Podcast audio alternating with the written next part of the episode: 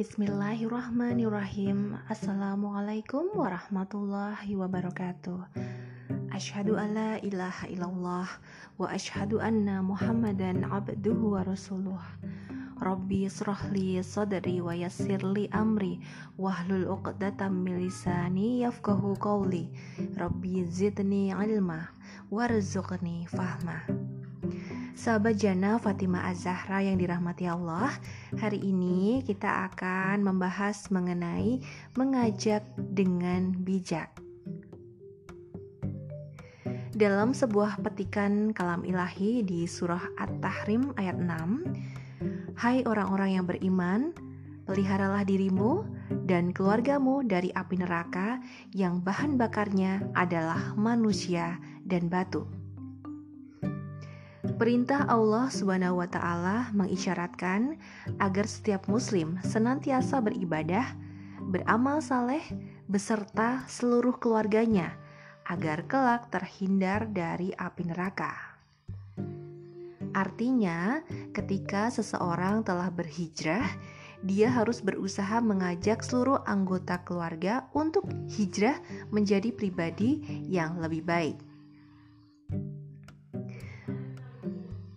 Nah, ketika orang yang berhijrah ingin mengajak anggota keluarga lainnya untuk hijrah, bagaimana caranya untuk mengkomunikasikannya? Sahabat Jannah, selain memberikan contoh, gunakan orang lain yang kita anggap tepat dan sesuai dengan karakter anggota keluarga kita yang mampu memberikan nasihat kebaikan. Misalnya, memilih ustadz atau ustadzah yang cara berdakwahnya dapat diterima oleh anggota keluarga kita. Yang kedua, pilih buku-buku yang bahasanya nyaman untuk dibaca. Letakkan di rumah, kalau pasangan Anda tertarik, ia akan baca. Atau gunakan simbol. Misal, ketika istri belum berjilbab, atau ada kakak kita, kakak perempuan kita belum belum berjilbab. Kita bisa memberi hadiah berupa jilbab cantik dengan kartu ucapan yang manis. Tidak perlu dipaksa untuk langsung menggunakannya, bisa dengan mengatakan besok dipakai di acara pengajian keluarga ya. Sesekali boleh juga kita mencurahkan isi hati, misalnya, Kak, pasti Allah akan sayang banget dengan kita kalau kakak mau lebih banyak beribadah dengan benar, mau menutup aurat sesuai dengan petunjuk dari Allah. Nah, apa akibatnya jika kita terlalu memaksakan kehendak kepada anggota keluarga lain, meskipun sebenarnya tujuan kita baik? Hal ini sahabat jannah tergantung dari kesiapan dan karakter dari orang yang akan diajak. Kita harus bisa melihat bagaimana masa lalu seseorang, seperti apa didikan dan lingkungan orang tuanya. Kalau misalnya sejak kecil sudah mendapat nilai-nilai agama, boleh jadi tidak akan menolak. Tidak menolak ini bisa diterjemahkan dengan dua hal. Pertama, tidak menolak tapi belum mengerjakan. Kedua, tidak menolak dan dikerjakan. Kategori pertama bisa dikatakan sebuah kemajuan kalau sebelumnya ia menolak. Kemudian, standarisasi kemajuannya harus dibandingkan dengan dia yang sebelumnya. Karena kalau dipaksakan, khawatirnya justru akan menolak. Kadang kalau kita diberitahu suka gengsi kan sahabat. Nah, beda kalau kita membangun dari kesadaran pribadi. Sesuatu yang baik memang sebaiknya disampaikan dengan cara yang baik dan tepat. Selanjutnya, sahabat Jana, hal apa yang harus diperhatikan ketika seseorang berkomunikasi dengan keluarga? Dari sisi komunikator atau orang yang berbicara, pahami karakter orang yang diajak bicara, dengarkan apa yang ia sampaikan. Kemudian, untuk istri atau untuk anak perempuan, mereka akan nyaman jika komunikator melakukan kontak mata, memeluk, mengusap kepala.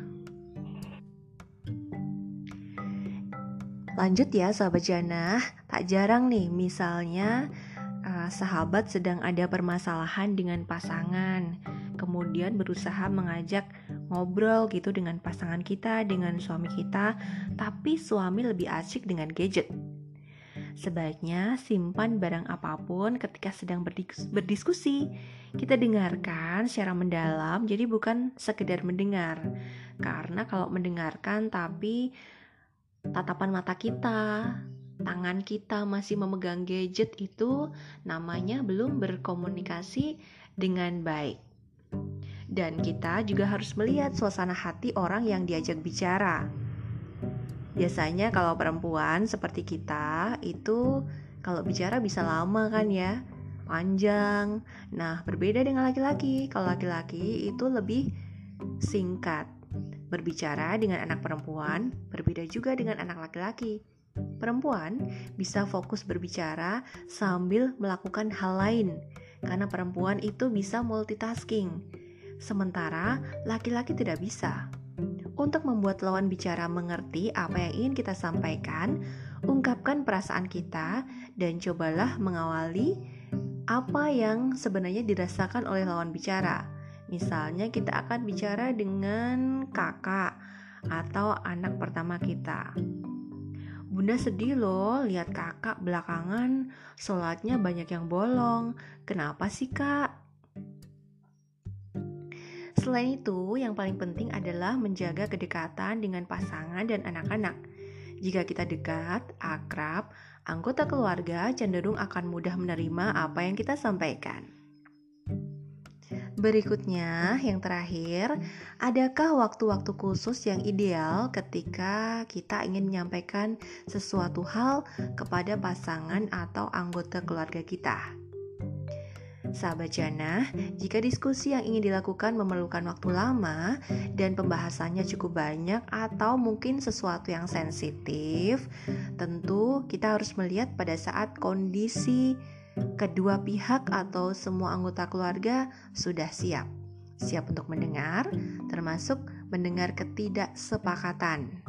Agendakan kapan mau berbicara, apakah lebih enak di rumah atau mungkin di luar karena selain masalah waktu, kita juga harus melihat kondisi sekitar. Kalau di rumah, misalnya Anda akan ngobrol berdua dengan pasangan, harus perhatikan apakah anak-anak nanti akan ikut mendengar atau anak-anak akan dimintai pendapat atau tidak.